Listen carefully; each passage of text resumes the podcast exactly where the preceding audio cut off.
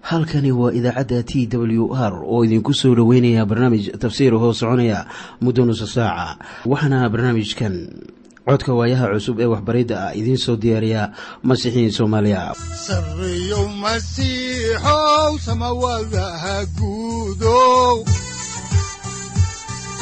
Siraadkii adduunkow subanaha eebow sareyow masiixow samawadaha guudow siraadkii adduunkow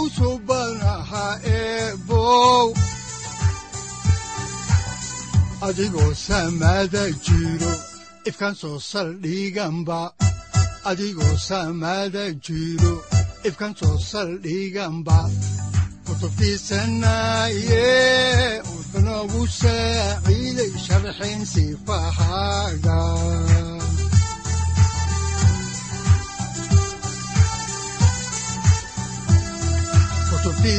kutubtiisinayow ebnagu saaciid sharxin sifahaaga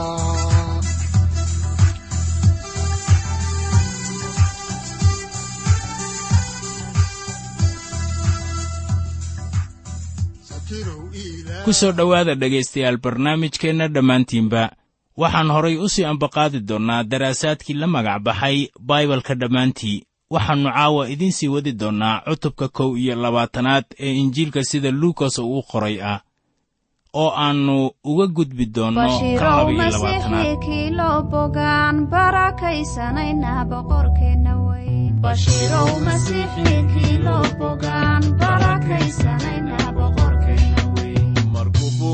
yeeroo laysu soo baxaan barakaysanayna boqorkeenna weyn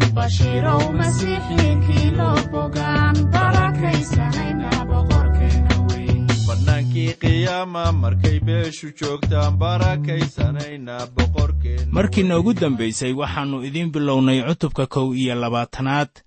Waxayna inoo joogtay aayadaha kow ilaa afar waxaanan ku jirnay nimankii tujaarta ahaa oo lacag ku shubaya qasnaddii macbudka iyo haweenay carmal ahayd oo hal beesad ku ridaysa qasnaddii macbudka. Haddaba haddii aad la barbardhigto inta yar ee ay carmalkaasu ku ridday qasnadda taalla macbudka oo hodanka ah ayaa labada beesadood ee ay haysatay aanay wax weyn ku kordhinaynin howlaha macbudkan hase yeeshee sayidkeenna ma eego. Lacagta qofka uu bixiyo wuxuuse eegaa inta uu la haro. Haweenaydan innaba waxba ulama harin nafsaddeeda haddaba kiniisaddu kuma jirto wakhtigii meeltobnaadka ee sheegaysa inta qofka laga doonayo. Waxa aad bixinayso xur baad u tahay. Waxaa haddaba jira dad badan oo bixiya in ka badan meeltobnaadyada waxa ay haystaan iyadoo ay ugu wacan tahay barakada ilaah oo barakadeeyey. Haddaba ilaah wuxuu eegaa sida kan wax bixinaya uu wax ugu hurayo howlihiisa. Guud ahaan kan wax quura oo hubaal ahaan howlaha ilaah fulintooda wax u bixiya waa kan aan isagoo waxba haysanin haddana qayb libaaxa ka qaata hawsha markaana tan la eegayo waxa weeye intaa aad la harayso. Haweenaydan carmalka ahina waxba kalama ay harin howlaha ilaah in kastoo ay miskiin ahayd. Waxaa markaana aynu soo gaarnay ciise oo ka jawaabaya su'aasha ku saabsan dhammaadka dunida. Haddaba haddii xaalkaas aynu ka eegno injiilka sida luukas uu u qoray cutubka kow iyo labaatanaad aayadaha shan ilaa lix ayaa waxaa ku qoran sida tan oo qaar kolkay macbudka ka hadlayeen in dhagaxyo wanaagsan iyo hadiyado lagu qurxiyo wuxuu yidhi waxaa imaanaya maalmo. Goortii kuwaas aad arkaysaan aan dhagax dhagax kale dushiisa lagu duldayn doonin oo aan la dumin doonin. Haddaba markii uu sayidku u sheegay xertiisa in naagtii carmalka ahayd ay bixisay wax ka badan inta kuwa kale ee wax bixinayay ay bixiyeen ayaa xertu ay yidhaahdeen bal eeg macbudka iyo sida uu u qurxoon yahay iyo dhagaxyada qaaliga ah ee lagu dhisay. Haddaba hodantinimada macbudkan wuxuu ahaa mid muuqda laakiin miyay hubaal ahaan u arkeen quruxdaas?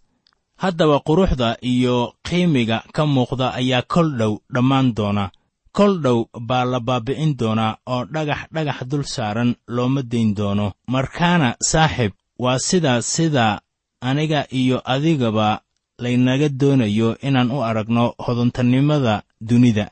Ma ahan wax sii soconaya oo kol dhowba way dhammaanayaan. Haddaan horay u sii ambaqaadno ayaa waxaa ku qoran injiilka sida luukas uu u qoray cutubka kow iyo labaatanaad aayadda toddobaad sida tan. Markaasay weyddiiyeen oy ku yidhaahdeen macallimow goormay waxyaalahanu ahaan doonaan oo calaamaddu maxay ahaan doontaa goortii waxyaalahanu ay dhowaan doonaan? Waxaad arkaysaa markii aad eegto injiilka sida matayos uu qoray iyo kan markos uu qorayba in la adkaynayo labada su'aal ee ugu dambeeya ee ah waa maxay calaamadda imaatinkaaga iyo dhammaadka wakhtiga haddaba soo noqoshada masiixa ayaa muhiim u ahayd matayos wuxuuna ka jawaabayaa su'aalaha taas la xidhiidha haatanse markaan eegno luukos wuxuu adkaynayaa su'aasha ah. Marka aan dhagax dhagax saaran loo dayn doonin macbudka. Waana marka la duduminayo macbudka yeruusaalem haddaba inkastoo tanu ay qayb ka tahay khudbadii buur saytuun ayaa sida abbaarta ah sayidkeennu uu ka jawaabayaa oo keliya su'aasha koowaad ee xertu ay weyddiisay dabeetana markii ay yimaadeen buur saytuun oo si tafatiran ay u weyddiiyeen ayuu si buuxda su'aashoodii uga jawaabay sida ku qoran injiilka sida matayos uu u qoray. Waxaase shakila'aan ah in sayidkeennu uu waxbariddaasi horay u sii waday oo wakhtiyo kale uu ugu celiyey sida xaalku uu ahaan doono haddaan horay u sii ambaqaadno injiilka sida luukas uu u qoray cutubka kow iyo labaatanaad aayadda siddeedaad ayaa waxaa qoran sida tan. Markaasuu yidhi iska eega yaan laydiin khiyaanayn waayo qaar badan ayaa magacayga ku imaan doona oo waxay odhan doonaan anigu waxaan ahay isaga iyo wakhtigu waa soo dhowaaday ha raacina. Haddaba wakhtigaas dhammaadkiisu wuxuu noqon doonaa in kuwo badan ay odhan doonaan waxaynu nahay masiixa oo sidaan arkayno muuqata wakhtigan aynu nool nahay oo sidaas bayna ahayd xitaa ilaa beri hore. Waxaa haddaba jiraya kuwo leh waxaynu nahay masiixa wakhtigiisii oo maantana waxaynu arkaynaa kuwo ku andacoonaya inay leeyihiin awoodo aan caadi ahayn.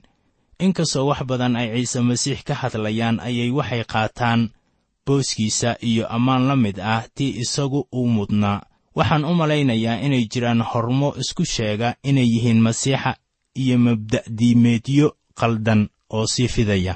Haddaan horay idinku sii ambaqaadno qisada kitaabka ayaannu eegaynaa injiilka sida luukas uu u qoray.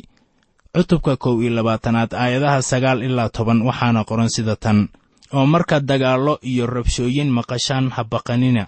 Waayo kolka hore waxyaalahanu waa inay dhacaan laakiin dhammaadku kolkiiba ma aha markaasuu ku yidhi quruunba quruun bay ku kici doontaa boqortooyona boqortooyo. Haddaba dagaallo ayaa dhammaadka wakhtiga calaamad u ahaan doonta. Dagaallada ayaa sii fogaan doona ilaa iyo dhammaadka wakhtiga. Inkastoo nabad jeceylku uu ku kori doono ayaa hadallada ilaahna ay leeyihiin sida ku qoran warqaddii koowaad ee rasuul bawlos uu u qoray dadka tesalonika baalka saddex boqol iyo lixdan iyo kow ee axdiga cusub cutubka shanaad aayadda saddexaad oo ku qoran sida tan. Markay leeyihiin waa nabad iyo salaamaad. Kolkaasaa filasho la'aan halaaggu uu u qaban doonaa sida foosha naag uur leh ay u qabato. Iyaguna sinaba ugama baxsan doonaan. Haddaba waxaan ku jirnaa maanta xilligaa oo kale waxaana calaamad u ah wakhtigaas oo dhan dagaallo inta sayidku uu ka soo noqonayo haddaan horay u sii ambaqaadno injiilka sida luukas uu u qoray cutubka kow iyo labaatanaad aayadda kow iyo tobanaad ayaa waxaa qoran sida tan. Waxaa meelo kala duwan ka dhici doona dhulgariir iyo abaaro iyo cudurro. Samadana waxaa laga arki doonaa waxyaalo cabsi leh iyo calaamooyin waaweyn. Haddaba waxaa jira oo kale sumad qarnigaasu uu lahaan doono oo sii weynaan doona wakhtiga kama dambaysta haddaan horay u sii ambaqaadno injiilka sida luukas uu u qoray cutubka kow iyo labaatanaad aayadaha laba iyo toban ilaa shan iyo toban ayaa waxaa qoran sida tan. Waxyaalahan oo dhan hortood gacmahooday idiin saari doonaan oy idiin silcin doonaan oy idiin dhiibi doonaan sunagogyada iyo xabsiyada oo waxaa magacayga aawadiis laydiin horgayn doonaa boqorro iyo taliyayaal. Waxayna idinku noqon doontaa marag. Sidaa darteed qalbiyadiinna geliya intaydnaan hore ugu fikirin waxaad ku jawaabi doontaan waayo waxaan idin siin doonaa af iyo xigmad aanay cadaawayaashiinna oo dhammu ka adkaan karin oo aanay ka gees hadli karin. Haddaba sayidku wuxuu halkan kula hadlayaa qaranka israa'iil. Waxay waxyaabahaasi oo dhammi si qaas ahaaneed u quseeyaan yuhuudda injiilka sida yooxana uu u qoray cutubka shan iyo tobanaad aayadaha siddeed iyo toban ilaa sagaal iyo toban ayaa waxaa qoran sida tan. Dunidu hadday idiin nabcaato waad garanaysaan inay hortiin i nabcaatay. Haddaad kuwa dunida ahaan lahaydeen dunidu kuweeda way jeclaan lahayd laakiin kuwa dunida ma ahidin. Waanse idinka doortay dunida taas aawadeed dunidu way idin necab tahay haddaba haddii aad ka mid tahay kuwa raacsan masiixa waxaa caddaan ah inaadan ku guulaysanaynin doorasho. Taasu waa hubaal.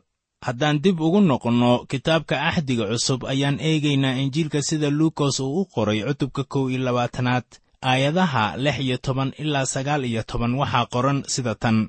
Laakiin idinka waxaa idin gacan gelin doona waalidkiinna iyo walaalihiinna iyo xigaalkiinna iyo saaxiibadiinna qaarkiinnana waa la dili doonaa dadka oo dhan ayaa magacayga aawadiis idin nabcaan doona. Tinna madaxiinna kama lumi doonto waa inaad naftiinna ku haysataan dulqaadashadiinna.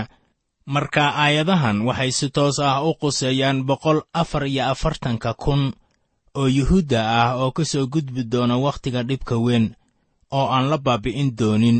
Silaca yuhuudda waa ka sii weynaan doona kii ay soo arkeen markii ay ku jireen xeryihii jarmalka oo la gubi jiray.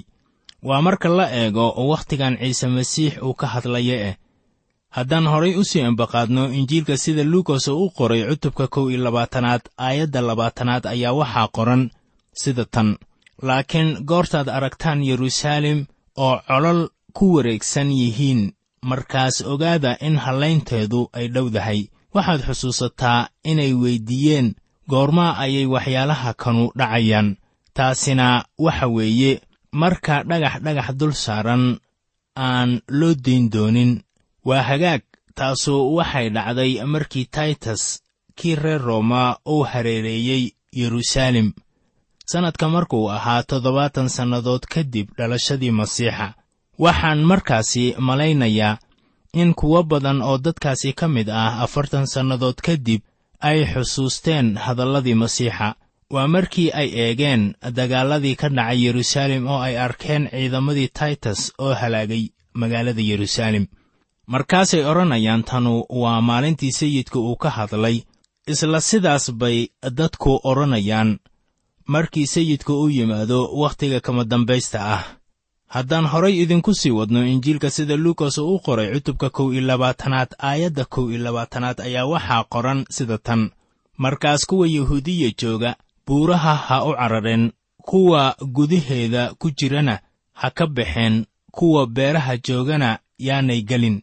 Waxay ahayd oo waxa laga doonayo inay sameeyaan wakhtiga dhibka weyni uu jiro. Waxay ahayd inay si dhaqso ah kaga baxaan magaalada yeruusaalem ninkii caanka ku ahaa taariikhda ee yuhuudiga ahaa lana odhan jiray josefas ayaa inoo sheegaya wax ku saabsan sidii bahalnimada ahayd ee loo hareereeyey yeruusaalem markii la hareereeyey magaalada ayaa waxaa la leeyahay xaalad naxdin leh baa magaaladii ka dhacday. Dadka qaar baa baahi ugu la'day magaalada kuwana addoon ahaan baa loo iibiyey. Mar kale ayuu sayidku sawirayaa sawir muujinaya waxa dhici doona maalinta xisaabta weyn ay jirto ama wakhtiga dhammaadkiisa. Mar bay horay u dhacday saaxiib oo taasuna taariikhda ayay ku qoran tahay. Sayidku wuxuu leeyahay way dhacaysaa wayna dhacday. Wuxuu kaloo leeyahay way dhici doontaa. Waxaana rumaysanahay inuu xaqiiqada ku taagan yahay. Haddaan halkaasi ka sii wadno injiilka luukos aayadaha laba iyo labaatan ilaa afar iyo labaatan ee cutubka kow iyo labaatanaad waxaa qoran sida tan waayo kuwanu waa maalmo aargudasho in wixii la qoray oo dhammu ay noqdaan. Laakiin waa u hoog kuwa uurka leh iyo kuwa wakhtigaas ilmo nuujinaya waayo dhulka dhib weyn ayaa ka dhici doonta dadkana cadho waxayna ku dhici doonaan seef afkeeda oo waa la qabsan doonaa oo qurumaha oo dhan la geyn doonaa. Qurumuhuna yeruusaalem ayay ku tuman doonaan ilaa wakhtigu qurumuhu ka dhammaado. Yuhuudda waa la kala firdhiyey. Taytasna addoommo ayuu ka dhigtay. Waxay markaasi rooma ka dhiseen guryo waaweyn iyo wixii ay reer rooma doonayeen inay u dhisaan. Niyad xumo iyo cadho ayaa dul timid qaranka israa'iil. Ka bilaabata maalintii taytas uu soo galay magaalada oo ahayd ilaa iyo kun iyo sagaal boqol oo sannadood ka hor yuhuudda ayaan awoodin inay qurumaha kale yeruusaalem ka bixiyaan. Weli waxaa yeruusaalem maamula dadka aan yuhuudda ahayn ka bilaabata maalintii taytas uu qabsaday ilaa maalinka maanta ah. Meelaha quduuska ah ee yeruusaalemna waxay gacanta ugu jiraan dadka aan yuhuudda ahayn. Waxaana halkaasi ka mid ah masaajidka weyn ee loo yaqaano masaajidkii cumar ama al akhsa halkaasoo macbudkooda uu ka taagnaan jiray sayidkeennu wuxuu leeyahay qurumuhu waxay sii joogi doonaan yeruusaalem ilaa wakhtigooda uu dhammaado. Haddaba ilaa iyo wakhti dheer ayaan daawanayay yeruusaalem waxaa maamulaya dadka aan yuhuudda ahayn maantadan. Dadka aan yuhuudda ahayni weli waxay joogaan magaalada yeruusaalem haddaba miyaanay la yaab ahayn sida hadallada ilaah ay saxiix u yihiin haddaan horay u sii wadno injiilka sida luukas uu u qoray cutubka kow iyo labaatanaad aayadda shan iyo labaatanaad ayaa waxaa qoran sida tan. Calaamooyin ayaa laga arki doonaa qorraxda iyo dayaxa iyo xiddigaha dhulkuna waxaa ku jiri doona dhib quruumaha ay ka welwelaan guuxa badda iyo xidhiirka aawadood. Waxaan u malaynayaa in tanu ay qusayso maalmaha ugu dambeeya ka hor intaannu masiixu dhulka ku soo noqon haddaba waa sidaas sida ay noqonayso wakhtiga dhammaadkiisa. Haddaan horay u sii ambaqaadno injiilka oo aan eegno aayadda lix iyo labaatanaad waxaa qoran sida tan. Dadkuna waxay la suuxi doonaan bakdin iyo filasho. Waxaa dunida imaan doona waayo xoogga cerka ayaa la giriirin doonaa dad waxaa jira intay soo xigtaan aayadda yidhaahda dunideenna maanta ayay qusaysaa saaxib waxaan ku leeyahay wacdaro way dambeeyaan. Haddii ay kula tahay in waxyiga aayadda la kaamilay maanta waad khaldan tahay. Waan garanayaa inaanay wax waliba u hagaagsanayn sidii la doonayey. Waxaa jira xiisado siyaasadeed kuwo bulsho oo taasaa keenaya walaac tiro badan. Qaaquulka dadka ka dhex socda wuu badan yahay laakiin wuu ka sii darayaa marka la gaaro maalmaha ugu dambeeya. Haddaan horay u sii ambaqaadno injiilka luukos oo aan eegno cutubka kow iyo labaatanaad aayadda toddoba iyo labaatanaad waxaa qoran sida tan. Markaasay arki doonaan wiilka aadanaha oo duruur ku imaanaya isagoo leh xoog iyo ammaan weyn. Haddaba masiixu saacad waliba ayuu soo muuqan karaa. Xaaladuhuna si deg deg ah ayay isku beddelayaan. Maanta taasoo keenaysa in kiniisadda oo ah jidhkii ciise laga qaado dhulka. Intaadan dhammaynin akhrinta tuducdan. Hadday sidaa dhacdo waxaan ku kalsoonahay inaan wada joogi doonno hortiisa kol dhow. Haddaan horay idiinku sii wadno meeriska ayaa waxaa ku qoran injiilka sida luukoosu qoray cutubka koob iyo labaatanaad aayadda siddeed iyo labaatanaad sida tan. Laakiin goortii ay waxaasu bilaabaan inay dhacaan kor eega madaxiinnana kor u qaada. Waayo madax furashadiinnu waa dhowdahay. Miyaa haddaba waxa kanu ay bilowdeen inay dhacaan. Haddaba ma ahan howl ii taalla inaan ogaado. Mana jiraan qolo ii xog warrantay. Waxaanse odhan karaa badbaadinteeda iyo furashadeeda way dhowdahay. Marka la eego wakhtigii aan rumaystay waxaan garanayaa inuu soo noqon doono taasaana aniga muhiim ii ah haddii aan horay u sii ambaqaadno injiilka oo aan eegno aayadaha sagaal iyo labaatan ilaa kow iyo soddon ee cutubka kow iyo labaatanaad waxaa qoran sida tan. Markaasuu masaal kula hadlay bal eega berdaha iyo dhirta oo dhan goortay caleemo bixiyaan waad arkaysaan oo garanaysaan inuu roobku haddaba dhow yahay. Sidaas oo kale idinkuna goortaad aragtaan waxaas oo dhacaya garta in boqortooyadii ilaah ay dhowdahay weli waxaan rumaysanahay in geedka berdaha uu yahay calaamadda ku saabsan israa'iil. Ilaah wakhtiga uu nabadda u qorshaystay waxaa calaamad looga dhigay israa'iil. Geedka bardaha ah wuxuu u taagan yahay qaranka israa'iil waxaana taasi ka akhrin karaysaan kitaabkii yeremiyaa cutubka afar iyo labaatanaad aayadaha kow ilaa shan iyo kitaabkii hosheeca cutubka sagaalaad aayadda tobanaad haddaan horay u sii ambaqaadno injiilka sida luukas uu qoray aayadda soddon iyo labaad ee cutubka kow iyo labaatanaad waxaa qoran sida tan. Runtii waxaan idinku leeyahay qarniganu ma idlaan doono intaanay wax walba dhicin. Haddaba marka la leeyahay qarnigan ayaa taasi loola jeedaa qabiilka israa'iil. Wuxuu dabeeto ina barayaa sida ay u adag tahay in dadkaas la dhammeeyo. Amase waxaa loola jeedaa qarniga dadka iyo isku darka inta noloshoodu ay noqonayso. Marka ay sidaas tahay waxa ay noqonaysaa kuwa arka bilowga dhacdooyinkaas inay arki doonaan iyadoo soo xirmaysa.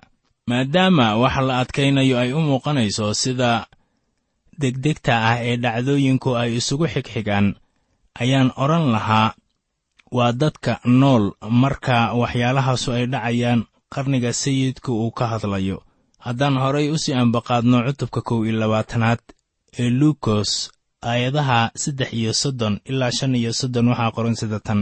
Cerka iyo dhulku waa idlaan doonaan laakiin hadalladaydu ma idlaan doonaan.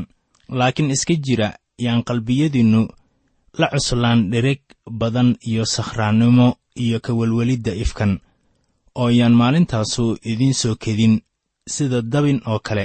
Waayo sidaas oo kale ayaa ku dhacaysa kulli kuwa dunida oo dhan jooga. Haddaba waxaan idinku leeyahay dhegaystayaal ha noqonina kuwa aan digtoonayn. Saaxiibayaal hana quusanina oo ha qalbijebina haddaba maalmahaas waa maalmo waaweyn oo ilaah loo noolaado. Aniga layguma yeedhin inaan dunida beddelo ha yeeshee taasu waa hawsha ilaah u taalla ee ma ahantayda wuxuuse aniga ii weyddiistay inaan nolol quduus ah u noolaado oo aan hadalladiisa faafiyo. Tan ayaa ii ah wax irajo gelinaya waxaana rajaynayaa in adigaba aad hadallada ilaah baafinayso. Waa wax raaxo badan inaad qayb ka tahay doonista ilaah bal aan horay u sii wadno aayadda soddon iyo lixaad ee cutubka kow iyo labaatanaad.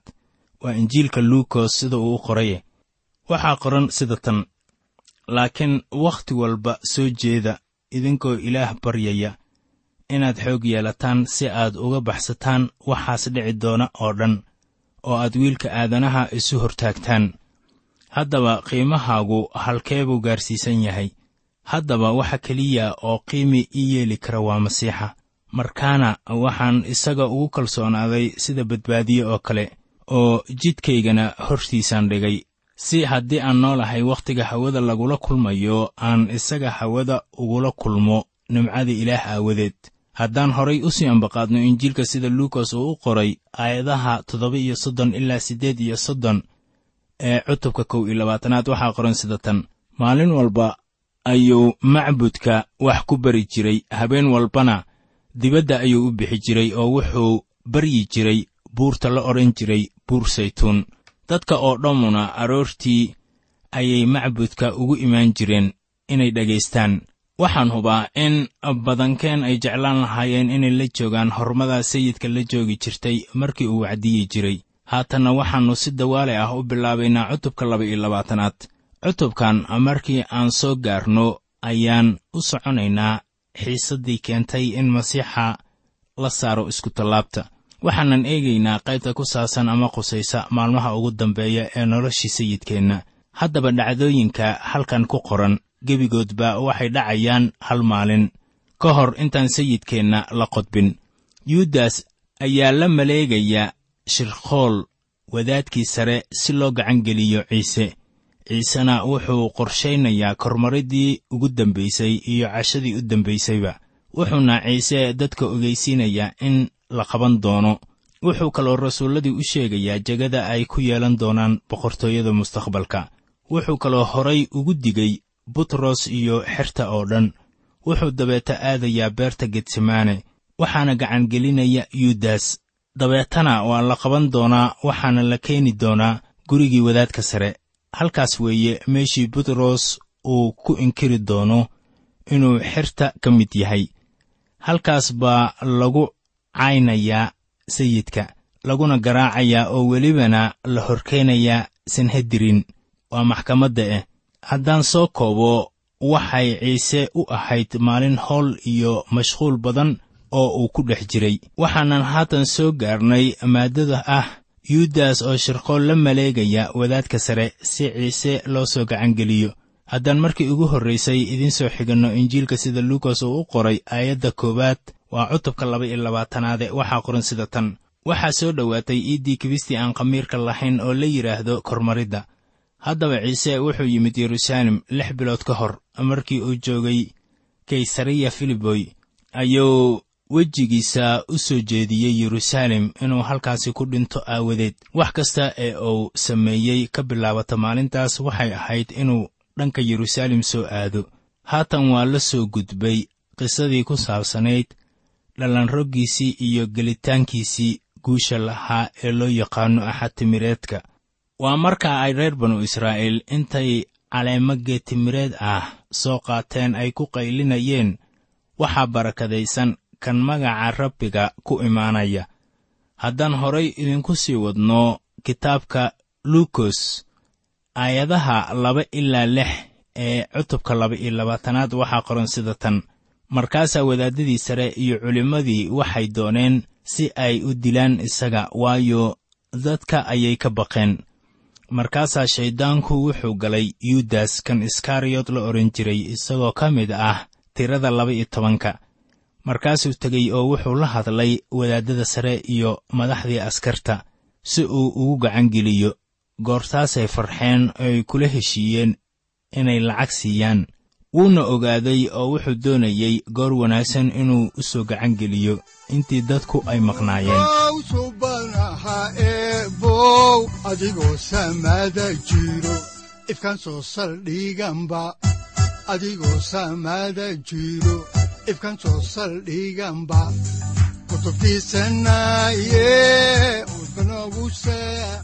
halkani waa t w r idaacadda t w r oo idinku leh ilaa ha idin barakeeyo oo ha idinku anfaco wixii aad caawi ka maqasheen barnaamijka.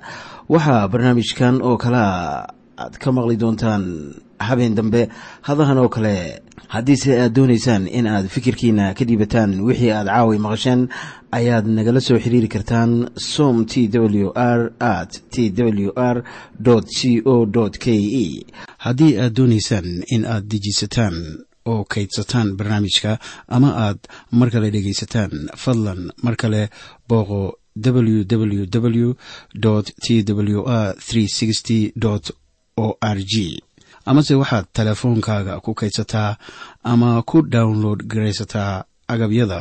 Ku sahli karaa dhegeysiga t w r haddii aad doonayso in laga kaalmeeyo dhinacyada fahamka kitaabka amase aad u baahan tahay duco fadlan fariimahaaga soo mari bogga aaraahda ama kommentska inana jawaab degdeg ah ayaanu ku soo diri doonaa amase ku siin doonaaye